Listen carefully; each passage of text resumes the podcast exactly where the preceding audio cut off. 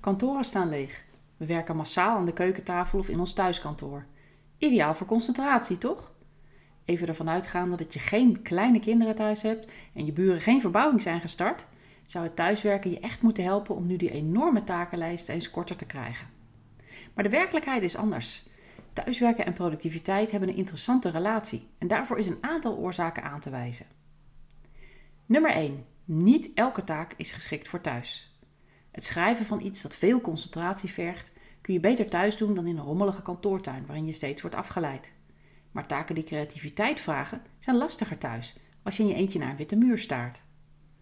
Ook taken die je samen moet doen, die dus contact met anderen vragen, worden ingewikkelder als je die ander niet ziet of alleen maar op een klein rechthoekje op je scherm. Wat kun je hier nou zelf aan doen?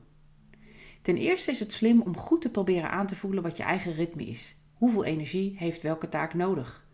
Welke dingen kun je het beste in de ochtend doen? En voor welke taken is de middag geschikter? Kijk zelf waarvan je moe wordt en wat jouw energie geeft, zodat je een persoonlijk passende mix kunt maken.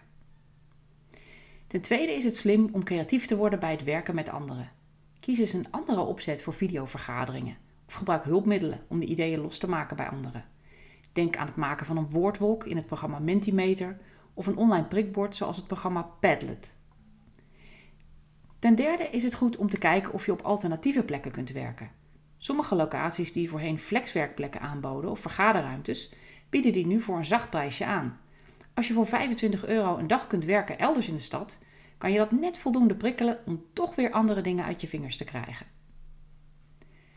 Nummer 2. Thuis is thuis en werk is werk. Heel persoonlijk in hoeverre je daar de scheiding tussen wilt. Het kan een uitdaging zijn om je hoofd goed bij je werk te houden als je aandacht afdwaalt naar die vaatwasser, die toch echt zou moeten worden uitgeruimd. Of je tijdens het maken van een cappuccino in de keuken gaat scrollen door social media en daar zoveel interessants vindt dat je doorklikt en doorklikt en doorklikt. Je hebt misschien wel een aardig nieuwe ritme ontwikkeld nu je al lange tijd thuis werkt. En desondanks komt lang niet iedereen goed in de werkmodus. Focus houden is een uitdaging en uitstelgedrag ligt op de loer. We missen de rituelen van kantoor, zelfs de kleine interrupties door collega's die even een vraag hebben. Wat kun je hier nou zelf aan doen? Om te beginnen is het verstandig om veel vaker en korter te pauzeren. Sprintjes trekken dus, want corona is een marathon. En juist die vele kleine pauzes blijven je brein stimuleren. Wanneer je voor jezelf duidelijke doelen maakt qua inhoud, bijvoorbeeld ik ga die e-mail sturen naar de projectmanager over zijn budgetoverschrijding, of hoe lang ze gaan duren. Ik ga de komende 30 minuten mijn inbox langs en sorteer met een kleurcategorie berichten op prioriteit.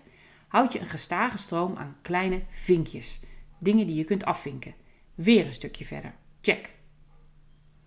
Ten tweede is het goed om te zorgen voor een stok achter de deur. Spreek bijvoorbeeld met je collega af om s morgens om 9 uur kort te bellen. Vijf minuten is al genoeg en je drie prioriteiten van die dag met elkaar te delen. Of ga elke vrijdagochtend tussen 10 en 12 samen met een videoverbinding aan de slag. Ieder aan je eigen taken. Op de agenda alle losse eindjes die deze week zijn blijven liggen. Of juist die vervelende taak die je voor je uitschuift. Ook al zijn jullie met totaal andere dingen bezig, toch zul je merken dat je gestimuleerd wordt om door te gaan.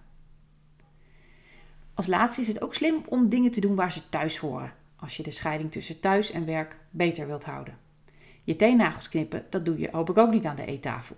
Ga dus niet Facebooken op je werklaptop, maar doe dat op je telefoon en alleen als je in een andere kamer bent of op een andere stoel zit.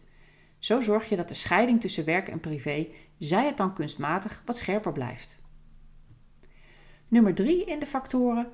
Um, ja, heel simpel. Dit zijn gewoon stressvolle tijden. Is er iemand in je directe omgeving ziek of overleden tijdens deze pandemie, dan voel je de impact ervan veel directer. Staat je branche of je eigen baan onder druk, dan is je stressniveau ook flink hoger. Zelfs al zeil je hier persoonlijk relatief makkelijk doorheen, duidelijk is dat de algemene onzekerheid en onduidelijkheid niet bijdragen aan een relaxed brein.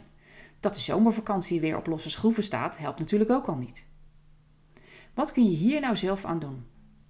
Om te beginnen, doe vooral regelmatig iets waar je blij van wordt. Wanneer je heel veel, heel vaak of hele belangrijke zaken uitstelt, kan dit betekenen dat er meer aan de hand is. Jezelf een aantal keer per dag een beloning geven kan dan zorgen dat je uit deze cirkel komt. Het hoeft geen snoepje te zijn, want die coronakilo's, uh, die wil je niet.